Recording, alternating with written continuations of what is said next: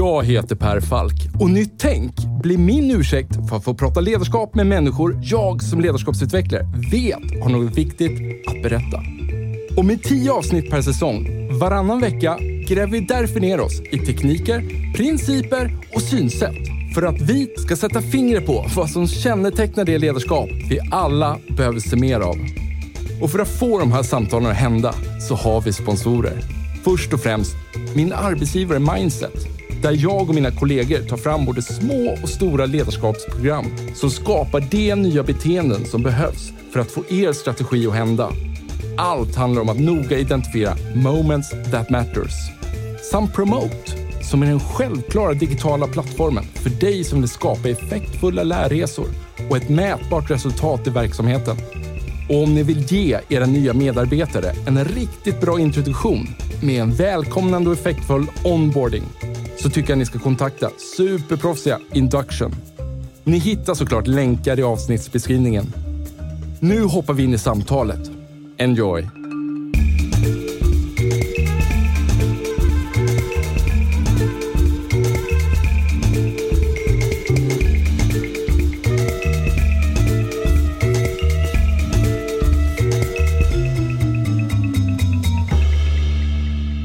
Du Linus, jag läser upp fyra stycken värdeord och så ska du gissa vilket eh, bolag jag är ute efter.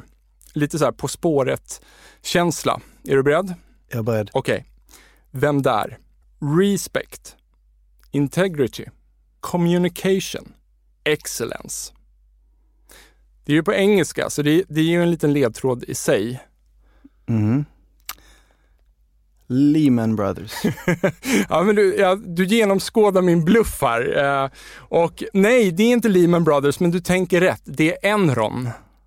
Ah, ah yeah. Som gick i konkurs 2001 och det, här, det var så 20 000 anställda. En av då typ den största företagskonkursen någonsin.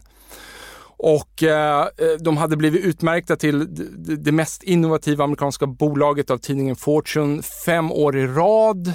Och eh, plötsligt bara briserar det här och ut i solljuset kommer fram inte bara ett eh, kriminellt beteende utan också genomrutten kultur som har runnit ner från företagsledningen och ut i hela organisationen. Man spelade upp säljsamtal där säljare mer eller mindre blåser äldre människor och tecknar kontrakt över telefon som de inte behövde och så vidare och så vidare. Det här är ett extremt exempel nu, men min fråga till dig är vad säger det här oss om värdeord och kulturarbete? Det som det säger mig, det är att det faller tillbaka till lite en, en paragraf jag har med i boken där jag försöker beskriva olika typer av kultur och där jag kallar den här typen av kultur för just pseudokultur. Det vill säga man har någonting man säger ut till folk och man har någonting helt annat som pågår på insidan. Och där finns ju såklart all anledning att fundera på vad som händer. Men jag tror det farligaste med den typen av kultur är att folk blir så illojala. För att det, det mentala kontraktet där vi säger att vi ska vara på ett visst sätt är någonting som uppenbarligen bryts. Och vad som händer då med mig som arbetstagare är att jag börjar ju i tystnad och vilja att företaget ska misslyckas. Ja. För jag tycker att vi ljuger. Och det, så det, det är en väldigt farlig väg att vara på och det faller ju förr eller senare, precis som du eh, poängterar här. Och återigen, det här var ett extremt exempel och jag vill ju verkligen betona här nu att nu kan det ju finnas lyssnare här som, som tillhör stora organisationer och vars värdeord kanske inte är jätteförankrade i, i vardagen. Och, men det är ju viktigt här nu, man får inte sätta sig armarna i kors här och tro att vi pekar finger mot en organisation. Utan man kan ju vara ett framgångsrikt bolag men ändå kämpa lite med att systematisera kulturarbetet. Och det är ju därför du är här idag Linus, för mm. att, att, inspirera lite hur man kan bli ännu bättre på området. Såklart, för min poäng är alltid att det krävs noll, noll ansträngning för att sätta några ord på en vägg. All ansträngning kommer i friktionen som uppstår när du ska ta det som står på väggen till att bli någonting som är på riktigt. Love it. Linus, jag tänkte så här, du ska få börja med att hisspitcha dig själv. Vem är du och varför sitter du här i, i studion och pratar kultur idag? Min främsta egenskap är att jag är en kritisk tänkare. Och då, då menar jag såklart, med kritisk menar inte jag att jag är en pessimist, utan jag tänker egentligen tvärtom att en kritisk människa är en sann optimist. För att en kritiker kommer hela tiden att tro att man kan göra saker bättre. Och det är därför kritikern pratar. Och min fördel är att jag har varit i många branscher, så att jag är generalist, så att jag kan ofta se saker, tycker jag, i HR-bransch fast med IT-perspektiv. Jag kan se saker som berör IT-system fast med ett HR-perspektiv. Eller med vilken annan, jag har varit, varit rätt många branscher nämligen, jag samlar på mig många glasögon. Så att vad jag gör är att jag är en slags eh, rådgivare och jobbar mycket med företagskultur. Vad ledde fram till att du skrev boken Glöd eller levebröd? Jo, jag tror det som, som drev mig mycket där det var att eh, tidigare i mitt arbetsliv så hade företagskultur varit lite som ett ufo. Sådär. Någonting som en del människor trodde på, ingen riktigt hade sett och som jag inte riktigt visste hur jag skulle förhålla mig till. För i de bolagen jag hade varit innan, som var en del amerikanska storbolag, så var det verkligen bara just en, en flådig plansch i receptionen med fotomodeller på. Och sen så var vi med på ett bolag där vi var, gjorde just den här resan. Vi började när vi var ganska små. Vi kom fram till att vi skulle göra en värdegrund och vi tog det strategiska valet att involvera alla. Och sen är den resan, allt det som hände, både i processen där vi faciliterade, men även i de här sakerna som hände på, vä på vägens gång, saker som var externa som vi behövde förhålla oss till, så byggdes det ganska på, eller på ett väldigt övertygande sätt så byggdes det en, in en känsla i organisationen av att nu har vi skapat det här gemensamt och alla pyntar in i det. Mm. Framförallt vdn pyntar in jättemycket i den och visar att det här är på riktigt. Mm. Och då kunde man se att det hände någonting väldigt magiskt som fick mig att fundera på hur, hur oerhört kraftfullt det är med motivation. För, för allting vi gör, vår, vår, motivation till hur vi känner för det vi gör, den bor uppe i huvudet på oss själva, hur vi väljer att, att tolka det. Mm. För jag insåg bland annat till exempel att vi hade en arbetsstyrka som hade väldigt monotona arbetsuppgifter och de de, det hade ingen betydelse för dem att det var monotona arbetsuppgifter, för de brann för det de gjorde ändå, för att de kunde se ändå att det var en del av en resa. Mm. De skulle behöva göra det här. Och där var min känsla att, att tidigare, när man inte har en företagskultur eh, i ett bolag och man gör monotona saker, då fokuserar man på arbetsuppgiften och så tänker man, fan vilket tråkigt jobb jag har. För det är arbetsuppgiften du beskriver. Men när syftet, visionen, allt det där är på plats på riktigt, mm. Då, då, då, ser du bara det som liksom någon slags eh, parentes i den stora pågående resan ni har. Så, så jag såg ju bokstavligt, dels, dels vad det gjorde med mig, men dels vad det gjorde med andra människor och tänkte att fan det här är ju det här är fantastiskt. Just den här sociala kraften när människor drar åt samma håll, tror på samma sak och har en känsla av att dela, dela angelägenhet. Du skriver till med i boken någonstans att här, allt det här jag pratar om har jag själv varit med och gjort eller upplevt. Mm. Det är därför jag kan skriva den här boken. Mm. Pratar vi mer kultur? Jag tycker man, man träffas av liksom kultur från höger och vänster hela tiden i kontexten organisationer. Pratar mm. vi mer, mer kultur idag? Eller är det bara jag som får för mig det? Ja, jag, jag tycker att det har blivit verkligen ett modeord. Eh, numera säger ju alla företagsledningar med lite anseende att de, de satsar mycket på företagskulturen. Och min så empiriska, jag skulle säga att i 20% av fallen så gör man det bra och i 80 mm. av fallen så gör man det antingen väldigt lite, lite som Enron, mm. eller i väldigt begränsad omfattning. Att man kanske har kommit så långt att man med hjälp av ledningsgrupp och kanske en extern kommunikationsbyrå har kommit fram till vad det ska stå för stolta ord spraymålade liksom vid, redan vid hissen. Ja. Men att det är där det slutar också. Men det är definitivt någonting man pratar mycket om, på samma sätt som man för några år sedan pratade betydligt mer om, om ledarskap. Det, det är ett sånt där fluffigt ord, som när man känner folk på pulsen så har oftast folk ingen tydlig, konkret definition på vad de menar med det. Men och företagskultur har blivit den där nya, det här mjuka, fluffiga djuret som vi tycker är viktigt. Och många, många kämpar med att verkligen förstå kulturbegreppet. Mm. Hur skulle du beskriva, vad är en organisationskultur? För en oinsatt person? En, en, eh, en stark företagskultur det är, ett, eh, det är ett kollektivt kontrakt, ett mentalt kollektivt kontrakt. Där man har satt ner ett par saker som är viktiga. Och eh, jag skulle säga om man tänker på kvaliteten i en kultur, för jag gillar att tänka på kvalitet som att det är en avsaknad av variation. Så skulle jag säga att när du har kvalitet i en kultur så kan du stoppa tio random människor i korridoren och nio av dem kommer att svara samma sak om du frågar vad företagskulturen är. Den tionde kommer du aldrig få med, den kommer alltid freebasea liksom och, och tolka det som de vill. Men ofta när man säger stark företagskultur så menar någon att ja, på inne på säljavdelningen, där har vi en stark företagskultur och sen på supporten har vi en helt annan. Och det, det, det är inte, de har inte lyckats. Då. Du ju byggt en massa multipla kontrakulturer som ofta inte samarbetar. Men när den är på plats så innebär det att du har en tydlig idé om vad, vilket beteende som är rätt här, vad man inte ska göra, hur vi gör affärer, hur vi fattar beslut, var jag kan ha inflytande, var jag inte kan ha inflytande, hur vi kompenserar varandra. Kulturen är liksom som en stor, eh, ett stort paket och i det paketet stoppar vi ner saker. Vi stoppar ner kanske värdeord eller etiska principer som vi har. Vi stoppar ner kompensationsmodeller, rekryteringsmodeller, egentligen alla HR-processerna utan man tänker på det. Många tänker inte på det. Alla HR-processer du har är en del av din kultur. Om du rekryterar alla människor till exempel på grunderna av en personlig intervju, så är det väldigt annorlunda än om du rekryterar alla människor med hjälp av kompetensbaserad rekrytering. Till exempel. Så, så det är så man ska tänka på det. Och det, är, det är det jag säger egentligen i början av boken. Att för mig var det lite att jag började känna mig som, som neo när man började peta i kulturen. Att man insåg att, att i den här matrixen så är alla saker en del av samma källkod. Och det är det man inte tänker, för många tänker just det här som du säger, att värdeorden. Vad ska vi ha för värdeord? Men ni måste tänka mer, vi måste tänka på hela liksom den fysiska eh, platsen vi sitter på, ett kontor. Vi kan inte säga att vi ska vara lekfulla om vårt kontor ser ut som en anstalt. Liksom. Då måste ju den också vara lekfull. Va, vad är det som gör att vi har fastnat lite i de här värdeorden, tror du? Historiskt sett. Varför, varför har vi liksom överlag, nu pratar jag liksom överlag, varför har vi inte riktigt kommit längre inom många stora organisationer? Det är inget fel med, med värdeord. Jag tycker de, är, de är bra, de fyller en bra funktion. Det är lite som att skriva en bok, man måste ha rubrik på varje kapitel. Tar man bort värdeorden så har du bara en lång textmassa som man inte riktigt kan se var den börjar. Så det är ett sätt att bryta ner någonting som är abstrakt, som bor i folks huvuden, till någonting vi kan enas om. Men såklart, om, om jag nu har sagt det, att vi ska ha högt i tak, då måste jag definiera vad högt i tak betyder. För att för mig kanske högt i tak betyder att vi ska kunna ha en diskussion om saker utan att tänka sig att det ligger inte innanför din rollbeskrivning att vara med i den här diskussionen. Mm. Men du kanske tänker att högt i tak ska vara att du ska kunna, du ska kunna säga saker som är kränkande till mig och då ska jag bara liksom skaka på axlarna och ha lite skinn på näsan för att det är vad det betyder för dig. Ja. Så att oftast är det att man måste ta det flera nivåer ner. Man måste tänka sig vilken typ av beteenden eh, kopplar vi till högt i tak.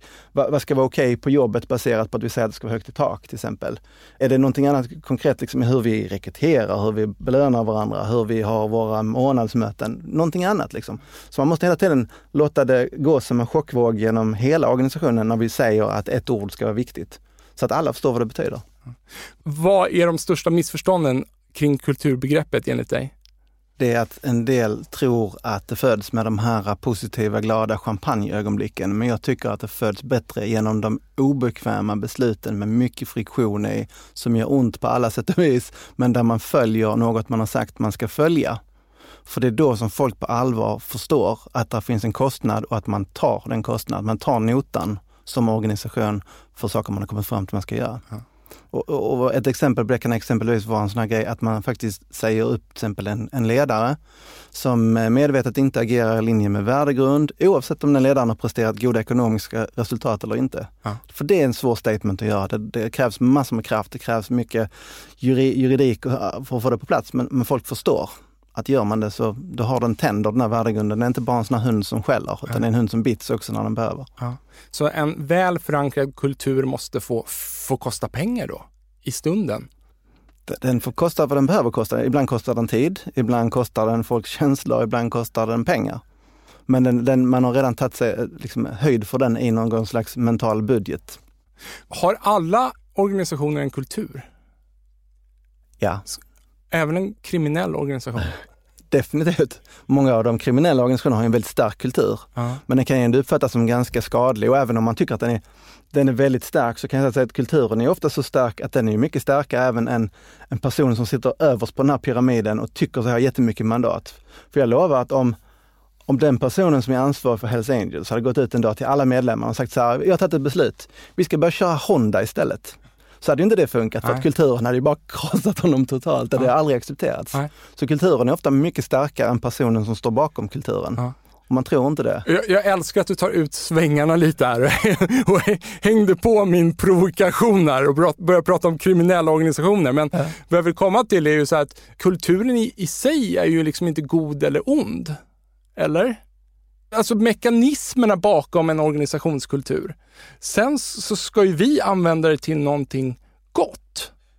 Ja, För man kan precis. ju ha gemensamma eh, beteenden som man tror på inom vår organisation, vår kriminella organisation till mm, exempel. Mm, mm. Jag menar, det kan ju finnas eh, organisationer där, där de har tankar på hur ska beslut tas mm. inom den här kriminella organisationen mm, mm. och att de har någon gemensam övertygelse hur det ska göras. Mm. Vad, vet, vad vet vi? Jag har aldrig varit medlem sant. i en kriminell organisation. Jag vet inte hur det ser ut på Nej. din sida. Men nästan alla de fina värdeorden kan användas i de negativa också. För om du har ett fint företag som säger att lojalitet är bra, Mm. ja, men det tycker många av de här nynazistiska organisationerna också. De gillar Det- också lojalitet. Så att, så att hur du än vänder på det så är det ju snarare egentligen vad syftet med vad organisationen ska uppnå och vad kulturen ska uppnå. Det är det som svarar på om det är gott eller ont. Även det är ju såklart subjektivt. Men det jag tänker, jag brukar Mm. alltid tänka så här, är det någonting som gör gott för människor eller inte? Och så Ja. kan man besvara frågan, är det en bra kultur eller inte utifrån den?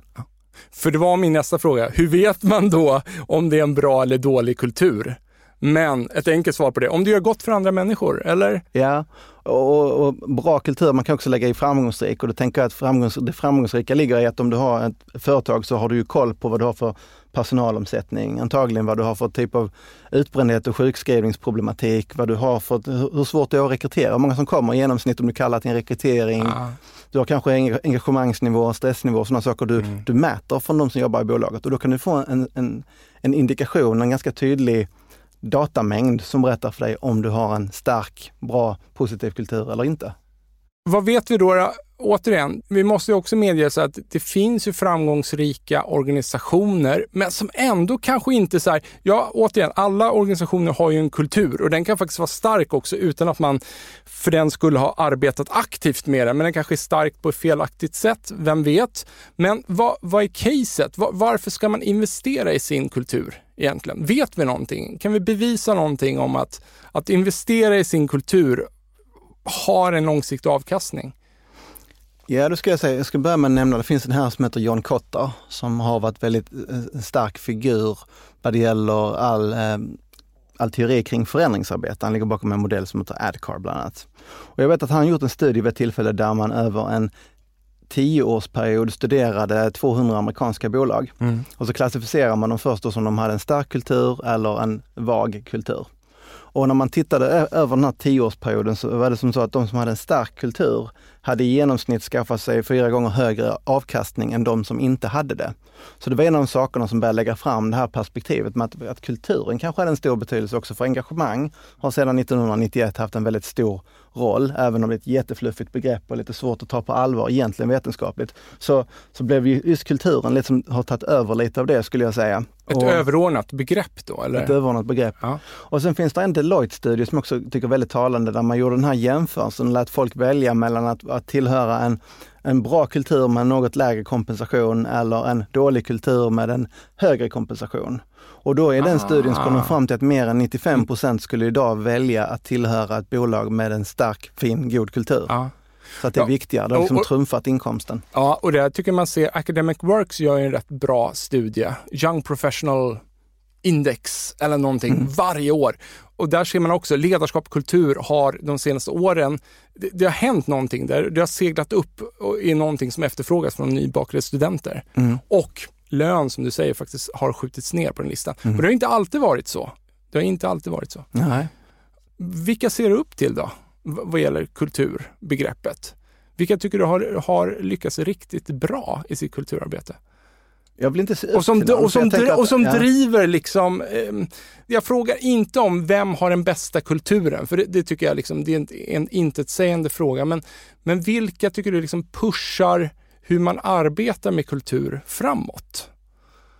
Svår fråga. Mycket bra fråga. Där är några företag som jag av, har, liksom vissa pusselbitar som jag kan tycka att det här var väldigt inspirerande. Ja. Men det är ganska svårt att hitta för, företag där allting hänger samman och man kan säga att den här helheten av det här bolaget är fantastisk. Ja. Jag gillade till exempel så som Ikea var väldigt duktiga på förr, till exempel att uh, satt man i möte där så kunde det ibland stå liksom på whiteboarden, stod det så här, hur mycket kostar ditt möte? Ja. Som en sån liten markör av Ja. kultur som Ja, liksom en symbol. påminde dem om att visst, det här är vår kultur, kostnadsmedvetenhet. Jag tyckte det var fantastiskt. Och ett bolag som jag haft en del att, att göra med, eh, det är Hilti, som jag tycker är annorlunda från alla andra som jobbar hårt med kultur, för att de har inget av den här kitschigheten, inga av de här fina buzzwords som kan, utan de är bara väldigt genuina och har funnits så länge att de har hunnit vrida och vända på allt som man gör som ledare. Ja. Så att det finns en sån enorm trygghet i den organisationen, vad som är accepterat och inte accepterat. Och de inger ett väldigt förtroende i mig som kulturorganisation. Ja. Till skillnad att, att på en del nya startups kan man ibland känna sig att ja, okej, ni har allt. Ni har ett rundpingisbord, ni har ett rum fullt med Xbox, ni har alla de här grejerna.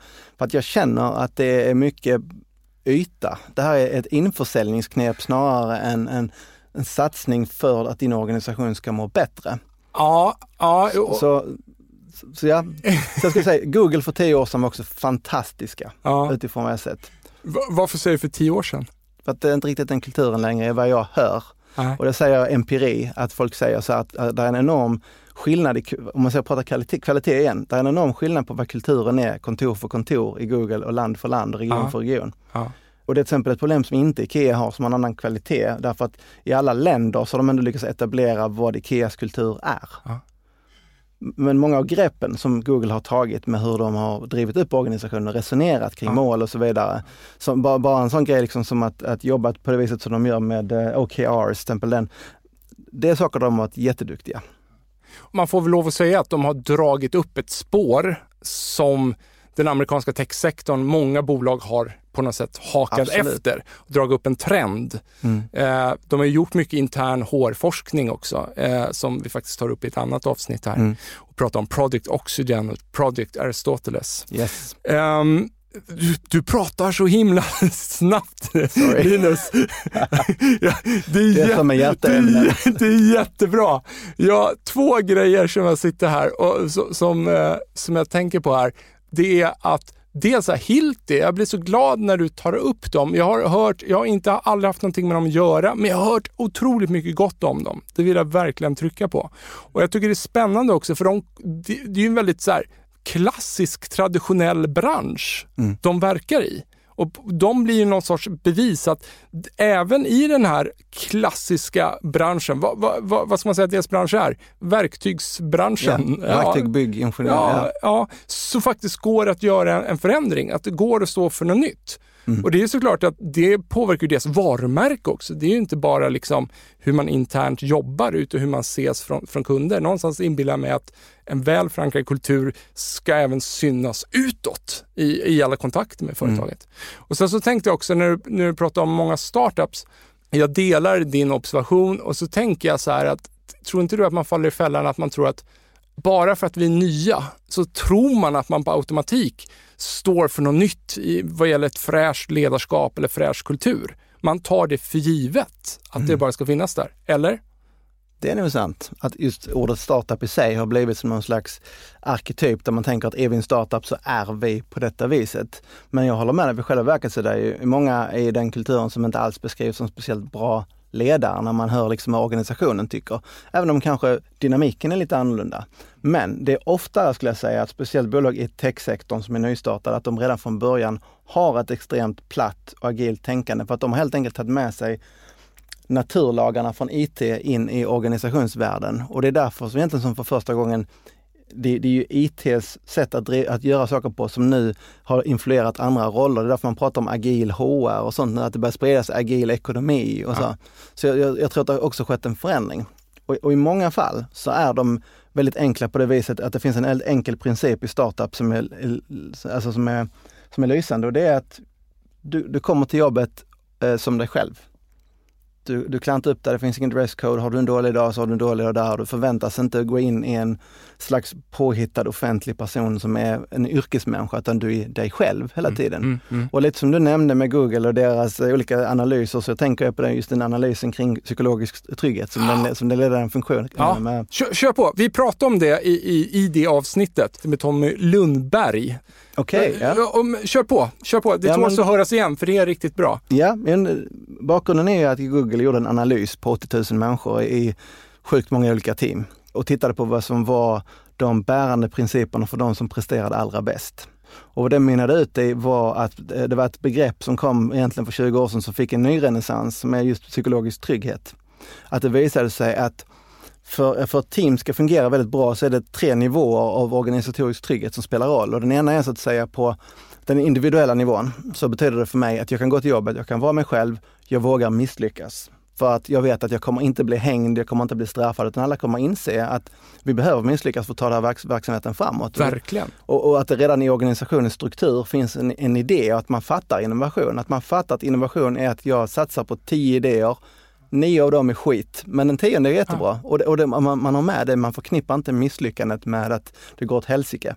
Och det är bland annat därför jag nämnde OKRs också, för hela den, det sättet att tänka kring mål utgår ifrån innovation och tänker så att vi, vi sätter upp mål, vi förväntar oss inte klara av dem, Nej. men vi sätter upp dem. Ja. Liksom, och vi kopplar inte dem till din lön för då blir du dum i huvudet. För det, man blir lite dum vet, när, när det är kopplat till prestation. Man vill känna sig trygg för att komma på bra idéer och testa dem.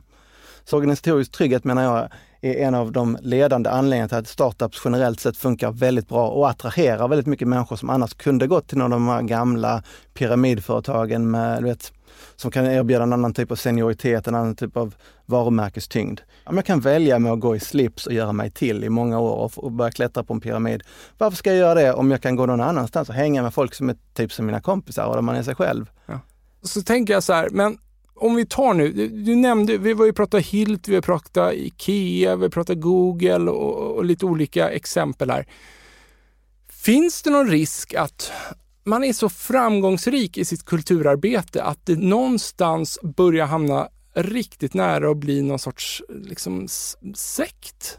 Mm. Alltså att det blir ett enda stort groupthink inom hela organisationen. Mm. Men jag skulle säga till exempel då att om vi tar ett företag med en, stark fungerande kultur, om vi tittar på exempelvis Google som varit en fantastiskt stark arbetsgivare på många marknader. Och så jämför du Google med eh, exempelvis Scientologikyrkan. Så är skillnaden att om jag skulle börja öppet kritisera Scientologikyrkan en massa, så skulle det vara jurister som kom efter mig. Men om man kritiserar ett företag som Googles företagskultur så kommer det antagligen innebära att de börjar fundera också själva om det blir för mycket röster in, internt och tänka så här, ligger det någon sanning i det här? Är vi, är vi konstiga som företag? Har vi svagheter?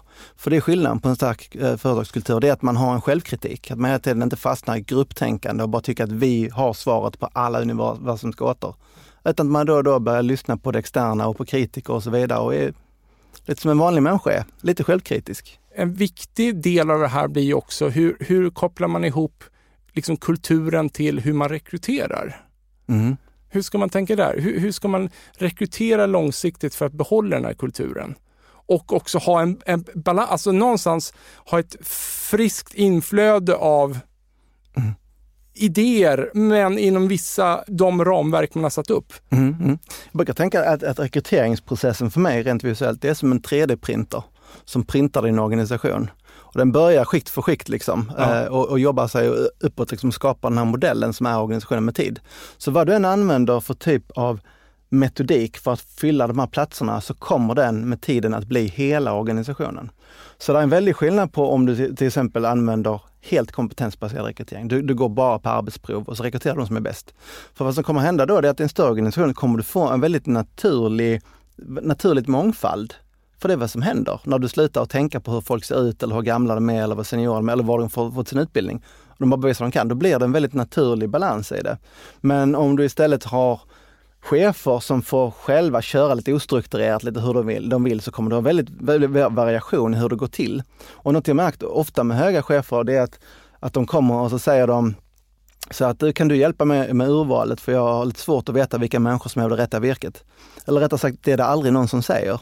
För att väldigt många chefer på höga positioner, de, de känner att de vill gå på sin intuition, för den har tagit dem så långt upp i arbetslivet. Ja. Och vill kanske inte öppna upp för att tänka mer på det som en kritisk eh, process med rekrytering. Och jag tror det är en av grejerna man ska slå vakt om med sin kultur. Man ska, man ska prata om det.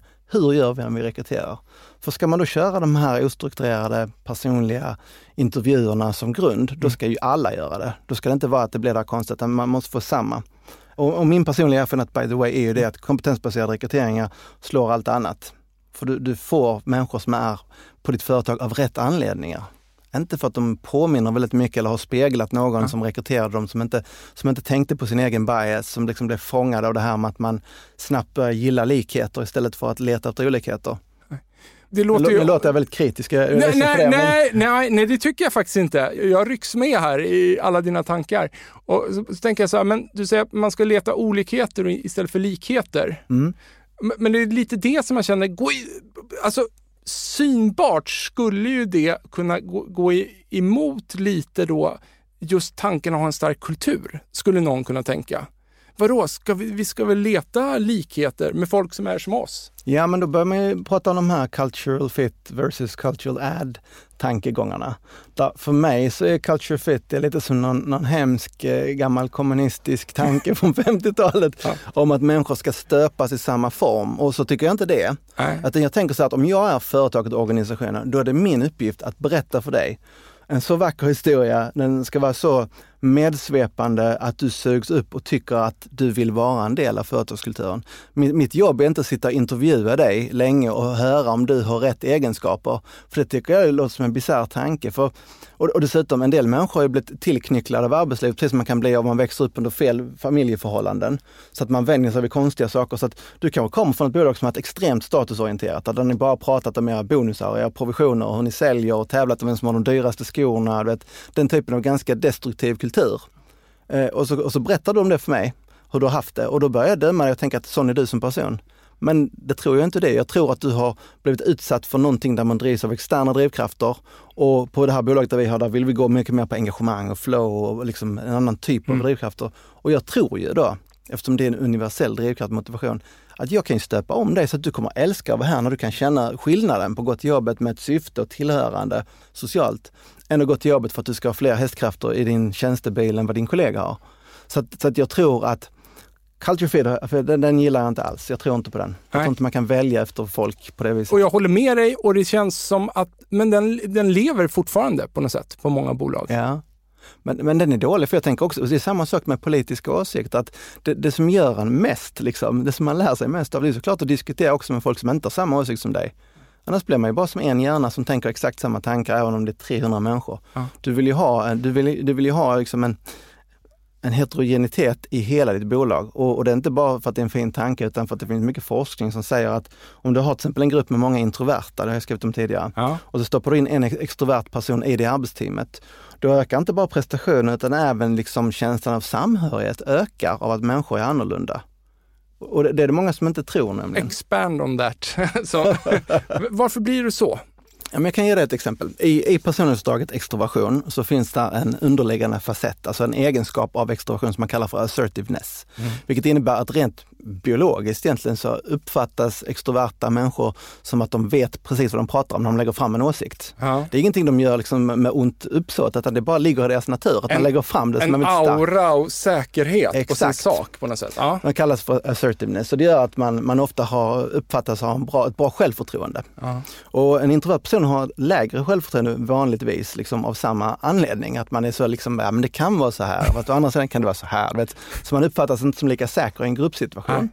Men trots då att man är mer självsäker som en extrovert så är man också känsligare för saker som berör status. För status handlar om vad jag är i förhållande till andra och status är en social egenskap. Är du extrovert så räknas din energi utåt till sociala sammanhang. Det vill säga gruppen blir viktig för dig ja. och även om du har en stark åsikt så färgas du av vad gruppen tycker också utan att tänka på det för att du är en, social, en mer socialt inriktad människa.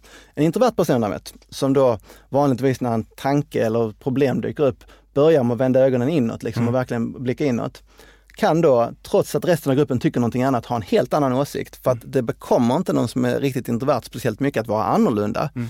Eh, och det är en jättebra egenskap för det, det, han, den här personen blir liksom den här djävulens advokat eller motvalls kärring som man säger, då, vet, den som, som vågar ha olika åsikter i en grupp. Ah. Och skillnaden på oss människor tycks det som, det är egentligen att att när vi hamnar i en grupp så tar det antingen fram det bästa i oss eller det värsta i oss. Och förenklar man forskningen så skulle jag säga att skillnaden är homogenitet eller heterogenitet.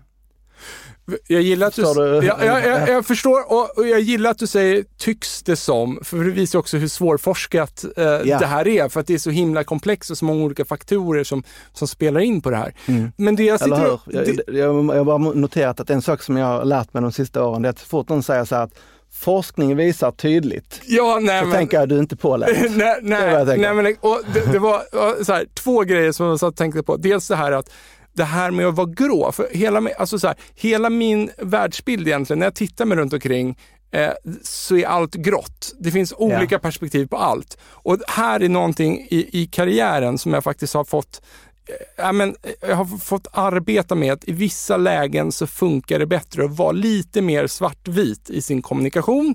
Men allra helst, för att nå fram, men allra helst vill jag vara grå, för det är det jag tycker är, är proffsigt. När, när jag sitter och säger precis som du sa, ja men man kan tänka på det på det här sättet, men det skulle också kunna vara så här. Det är ju att dissekera situationen på något sätt. Ja. Vishetens färg är grå heter det.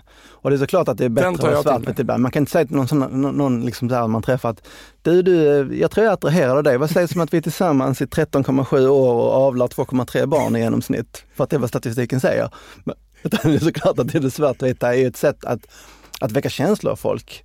Bara man är medveten om hur man liksom tänjer på sanningen. Där finns, där finns ett ansvar också att inte lura folk. Nej. Men det är en helt annan diskussion. Men, men så tänker jag också att när man, om man pratar om ett ämne som man kanske kan rätt väl och så, så är man grå och så glömmer man bort att de man pratar med inte kan ämnet lika mycket. Det kan ju också bli lite väl mycket mm. information. Alltså någonstans kanske jag får bara bestämma mig för att vara, ja, men jag är ett filter. Det här är det viktigaste ni behöver förstå just nu och därmed blir lite svartvit. Det är sant. Mm. Um, Oh, vad fasen, det var, det var, herregud, det var en annan sak. Jo, men jag, jag, måste också bara, när du ändå tar upp det, så här, men tror inte du, alltså det här med att sätta in den här introverta personen i det extroverta teamet, mm. då, som du nämnde. Mm. Så, så, tänker man ju så här, och, och jag, jag, tror ju på det stenhårt, men jag tror också att det är nog rätt jobbigt att komma in som den här eh, introverta personen. Och om det är en omogen grupp, mm. riskerar man inte bara ses som lite udda och fel, eventuellt felrekryterad? Jag, jag tror man behöver, man behöver för det första lära sig använda sina styrkor. För det farligaste man kan göra är att tänka i det här läget, nu ska jag bli pseudoextrovert för att passa in. Och så försöker man vara likadan, man försöker prata spontant reaktivt och tävla om ordet så som många andra gör som är lite ostyriga. Det, det är inte så att extroverta per definition är så här, utan det handlar om om man är extrovert med social kompetens eller inte, skulle jag säga. För social kompetens är en egenskap frikopplad från att ha personlighetsdrag. Det är bara att vissa lär sig. Det finns ju alltså jättemånga extroverta som är hur jäkla harmoniska Jättebra. och underbara ja. som helst att prata med. Ja. Så att jag vill inte bygga den nidbilden heller. Ja. Och nu blir jag ju grå när jag säger så.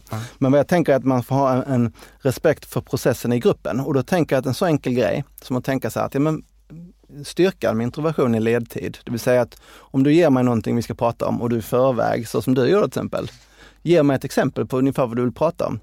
Då gör det mig en känsla att då hinner jag reflektera, ja. vilket man gillar att göra som introvert. Man vill inte reagera, man vill reflektera. Och när man har reflekterat så har man ändå uppe någonstans i huvudet en, en, ganska mycket att säga uppenbarligen, för jag pratar hela tiden här, eller hur?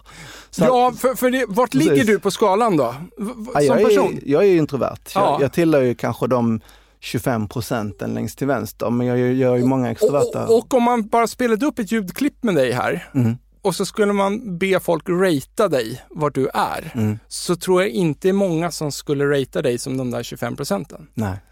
Och det talar ju också om liksom, de missförstånden som, som finns här. Exakt. Ja. Plus att nu, nu berör du ju ett ämne som för mig är väldigt intressant och ja. jag har läst mycket om det och jag har tänkt mycket kring det och skrivit Så just nu petar du liksom rätt i hjärtat på mig så det är inte konstigt att jag blir sån här. Men ja. Du märker en egen skillnad om vi pratar om något som, som skulle vara helt spontant, som inte hade med saken att göra och vi helt plötsligt bara måste sätta oss ner åtta personer och ta beslut om någonting här och nu utan någon, liksom något beslutsunderlag innan. Då hade jag varit rätt så tyst. Då hade jag väntat in och jag lovade att det varit någon annan som hade tagit, tagit anspråk för nästan all taltid. Det blir en sån 80-20-regel. 20% av gruppen pratar 80% av tiden. Något annat som slår mig när jag läser din bok, kopplat till det du sa, du, du gör ju dina egna illustrationer. Mm. Eller hur? Och, hur ska man beskriva dem? Jag har ju bara sett det som finns i, i boken då, Glöd eller levebröd, men för mig är det någon sorts sci-fi eh, saga-tema på något sätt. Eller mm. va, hur skulle du sätta ord på din egen stil? Ja, jag har ju försökt gestalta det här med hjälp av symboliken i robotar skulle jag kunna säga, lite eh, anatomiska robotar, en del som härmar klassiska konstverk som den här ja. Rodins tänkaren ja. och så. Um, och, och, jag vet inte varför, jag bara gillar att göra den typen av bilder, det bara kommer till mig. Liksom. Och, och, men min point då, då, varför jag tar upp det här, är för att jag tänker också att bevisligen så har det ju massa skaparkraft. och massa kreativitet. Jo men det, det får man väl, du rynkar på näsan här, men, det, men Ja. det får man väl, om man kan producera illustrationer på den nivån och skriva ett gäng böcker, så såklart du har. Men just det där att göra de här eh, rätt färgglada, jättevackra illustrationerna, det tror jag också är någonting som man kanske traditionellt inte kopplar ihop med någon som är introvert. Nej, Inbillar mig. det borde man ju. Ja, Alltså, jag, jag, tänker jag, på ser, så- jag ser inget eh, motsatsförhållande överhuvudtaget. Nej. Men För, för, för, för konstnär, alltså introverta är ju lite överrepresenterade inom konstnärliga yrken, egentligen tekniska yrken också och pedagogiska yrken. Ja, men även konstnärliga. Ja. Man brukar säga att om man kollar på Big Five, som är just den personlighetsmodellen som är mest vetenskapligt underbyggd skulle jag säga, Ja. om man frågar psykologer, så är det ju som så att just introversion och neuroticism är två drag, och så är det en som heter öppenhet förresten by the way också, Ja. som, som korrelerar med konstnärlig förmåga, Ja. om man uttrycker det så. Spännande. Jag tror så här, vi får prata vidare om det här i ett annat, ett annat avsnitt. Eh, och vi, nu blev det så här, nu gjorde vi ett sidestep och sen så gjorde vi sidestep från sidesteppet. Så om jag hoppar tillbaks ett steg till första sidesteppet, för jag tyckte det var så intressant med kompetensbaserad rekrytering, Mm. pratar du om, för att hitta olikheter. Kan du ge ett konkret exempel? Hur, hur har du jobbat med kompetensbaserad Jag rekrytering? kan ta ett från verkligheten. Ja, kör. Jag jobbar med en Inspirera. VD och den här VDn han ville ha en VD-assistent. Och han hade en bild av att det skulle vara någon eh, trygg gammal dam med grånade tinningar. Så han hade redan där en arketyp som många människor faktiskt har. Och så kom det ett antal eh, till intervjun och en av dem var den här damen med de grånade tinningarna.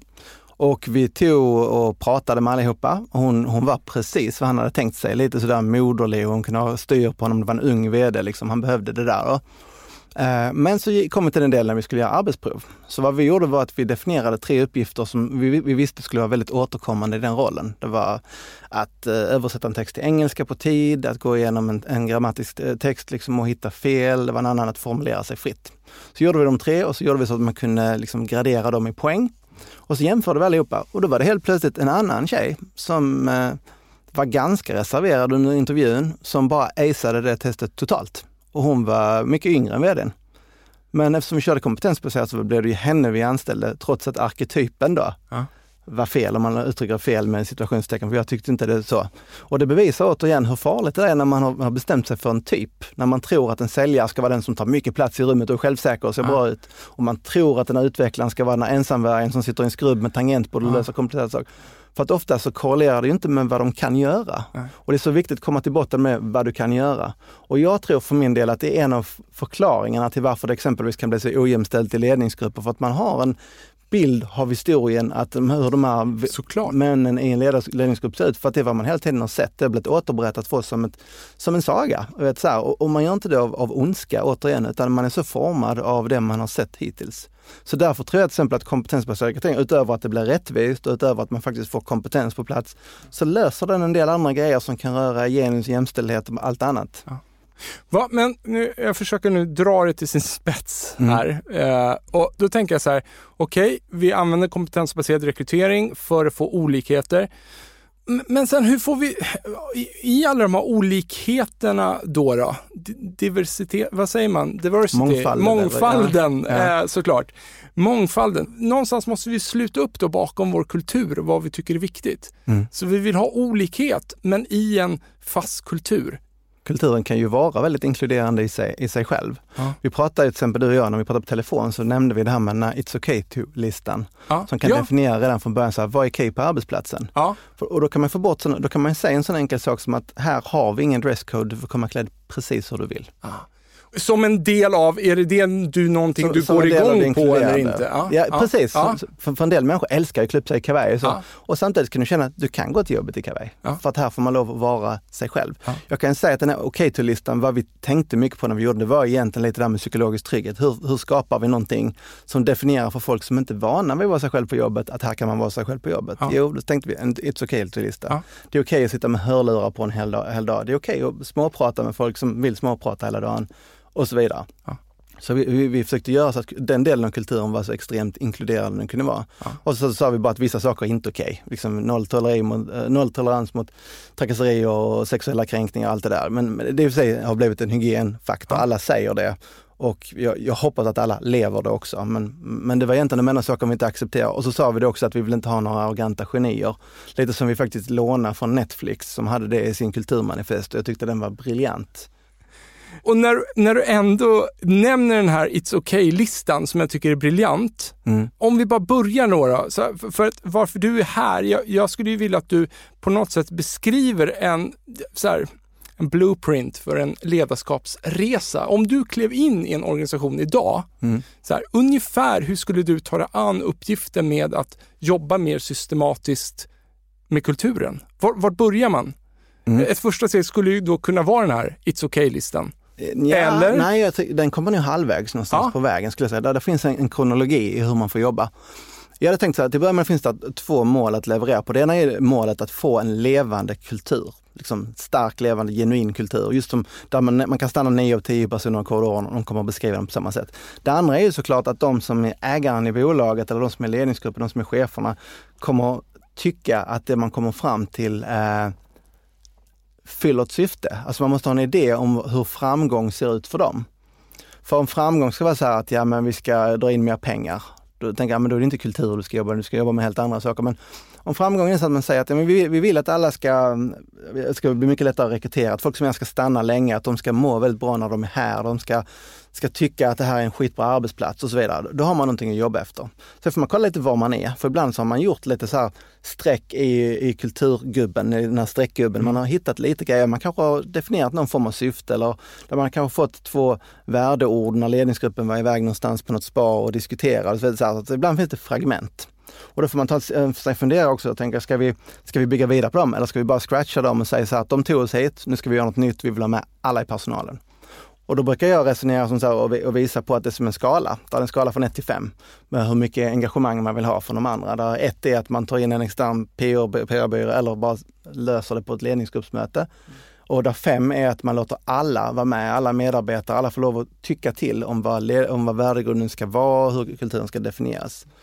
Och så brukar jag förklara att, att femman tar lång tid men den, tar, den får jävligt bra effekt. För att rent psykologiskt så har människor svårt att ta ansvar för någonting som vi inte själva fått sätta tumavtryck på. Mm. Så även i en stor organisation, även om det bara är ett enda ord som är mitt, som jag har fått in i vårt kulturmanifest, så kommer jag fortfarande att slåss för hela kulturen. För att jag har mitt tumavtryck med där.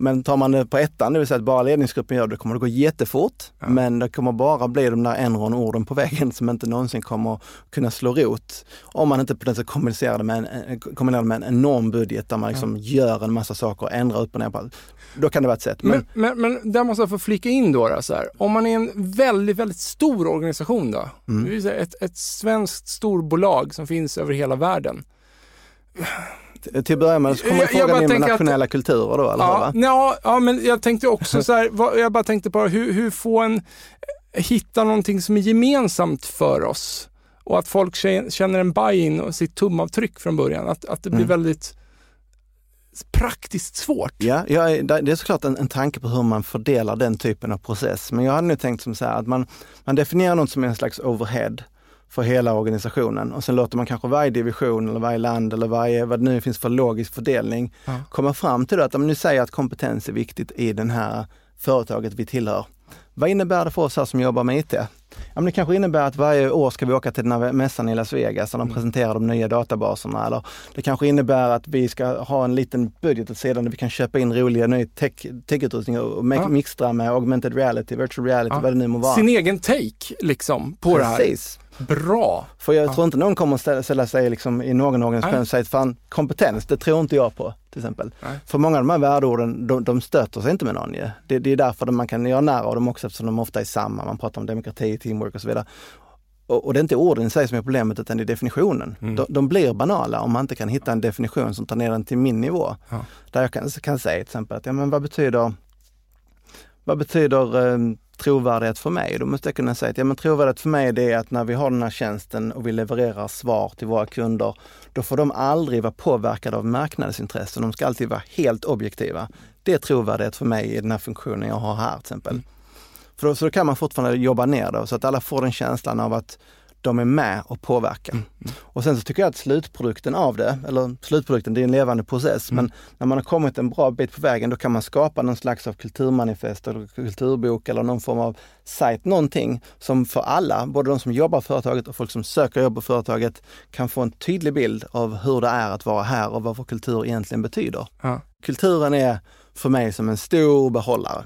Ja. I den här behållaren, i dess kärna, så finns där syftet, eller i alla fall den nakna principen kring vad, vad det är vi gör. Ja. Inte produkten eller tjänsten, utan ännu, ännu naknare så, liksom, liksom, vad är det vi gör, principen. Och sen så har man då värdegrundsorden kanske, eller principer, om man kallar det för vägledande principer kanske man kallar det för istället. Någonting som håller samman vilken etik, vilka värderingar som gäller här i hur vi gör affärer, hur vi är mot varandra, hur vi hanterar problem. Vad gör vi till exempel om det visar sig att vi har människor med alkoholproblem på en avdelning? Hur hanterar vi det som organisation?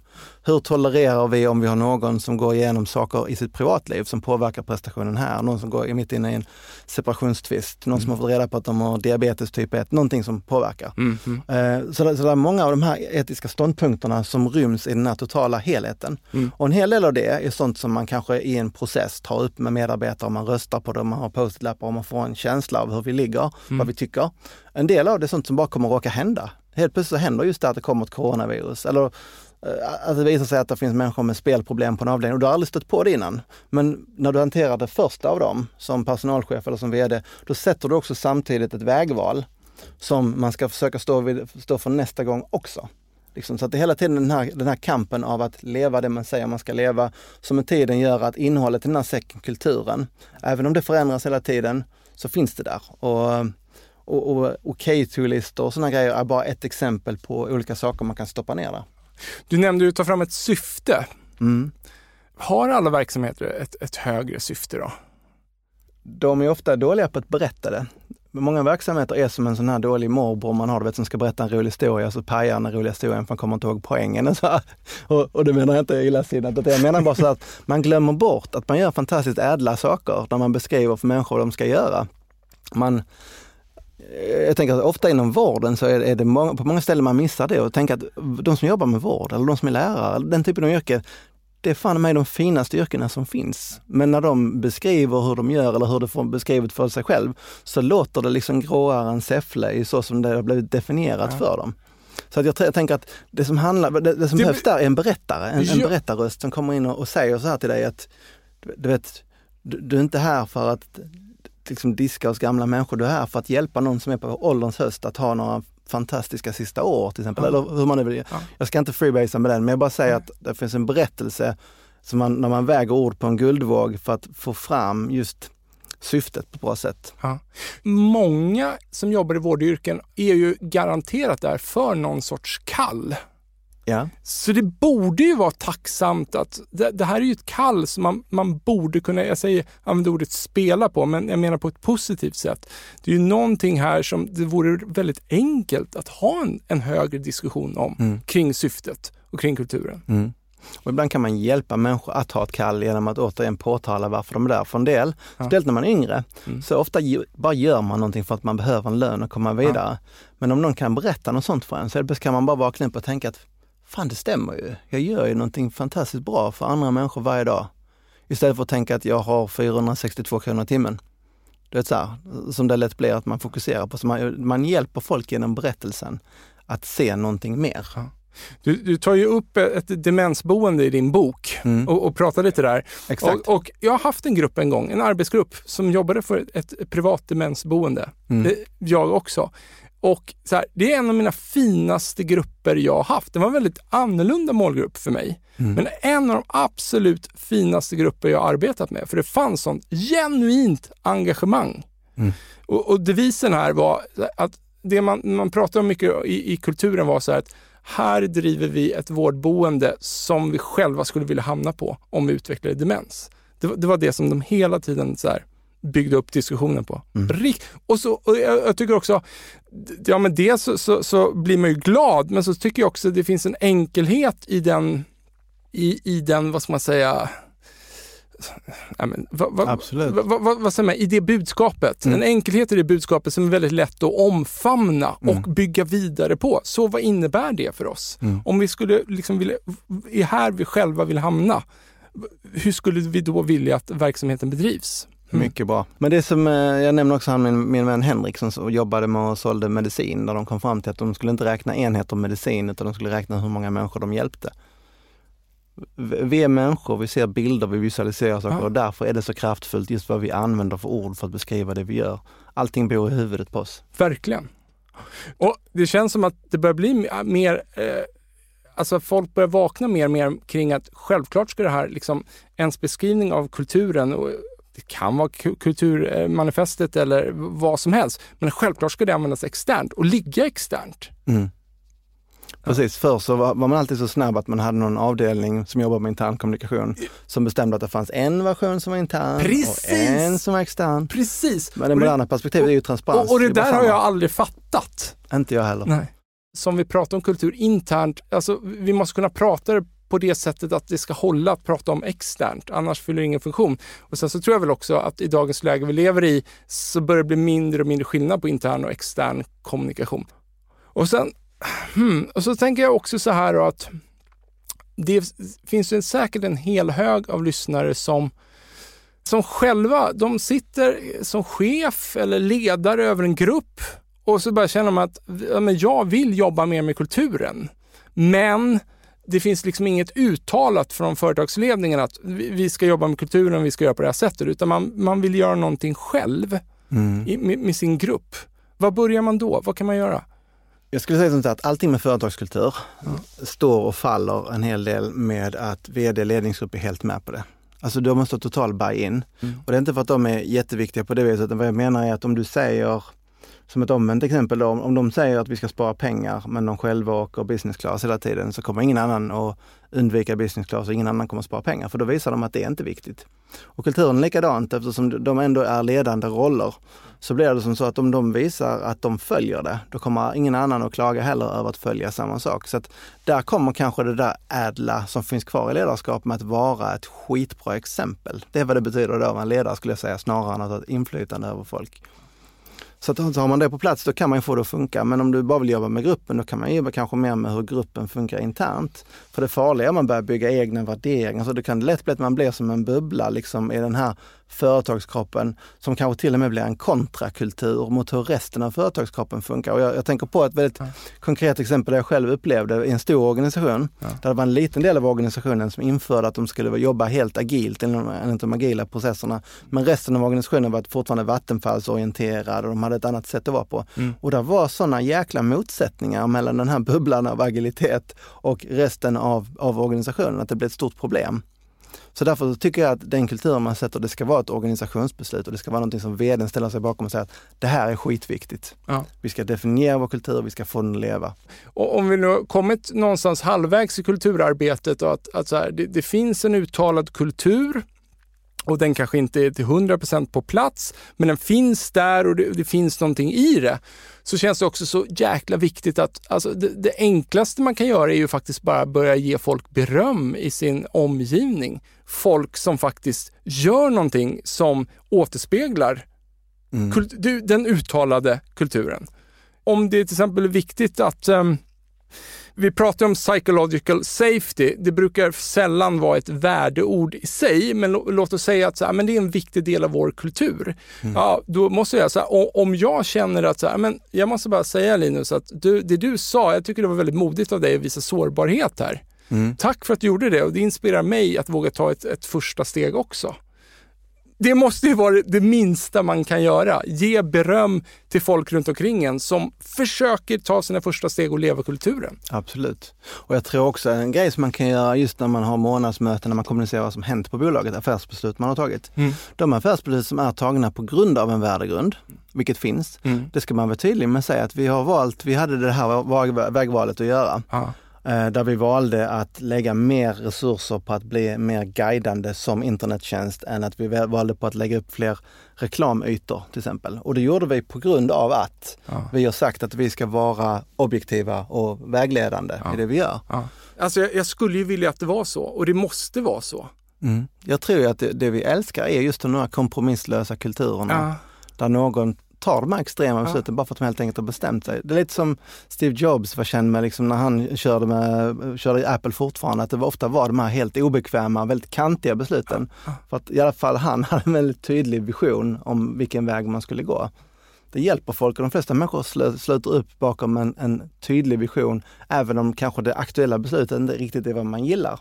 Så sluter man upp just för att det är tydligt. Ja. Och det är så få saker som är det idag. Alla är lite mellanmjölk för att det ligger i, i konsensusnaturen. Ja. Talangprogram och så vidare, hur, hur kommer det in i kulturarbete? Talangprogram i sin definition hör ju inne hemma i en pyramid eftersom den placerar folk annorlunda i förhållande till andra. Eh, Och en tankeställare jag fick för några år sedan det var att jag hade just program där man valde ut, på den koncernen jag jobbade så valde de ut ett antal unga nyckelpersoner Ja. som gick i ett ledarskapsprogram hos mig och en annan kollega som hade satt ihop det här.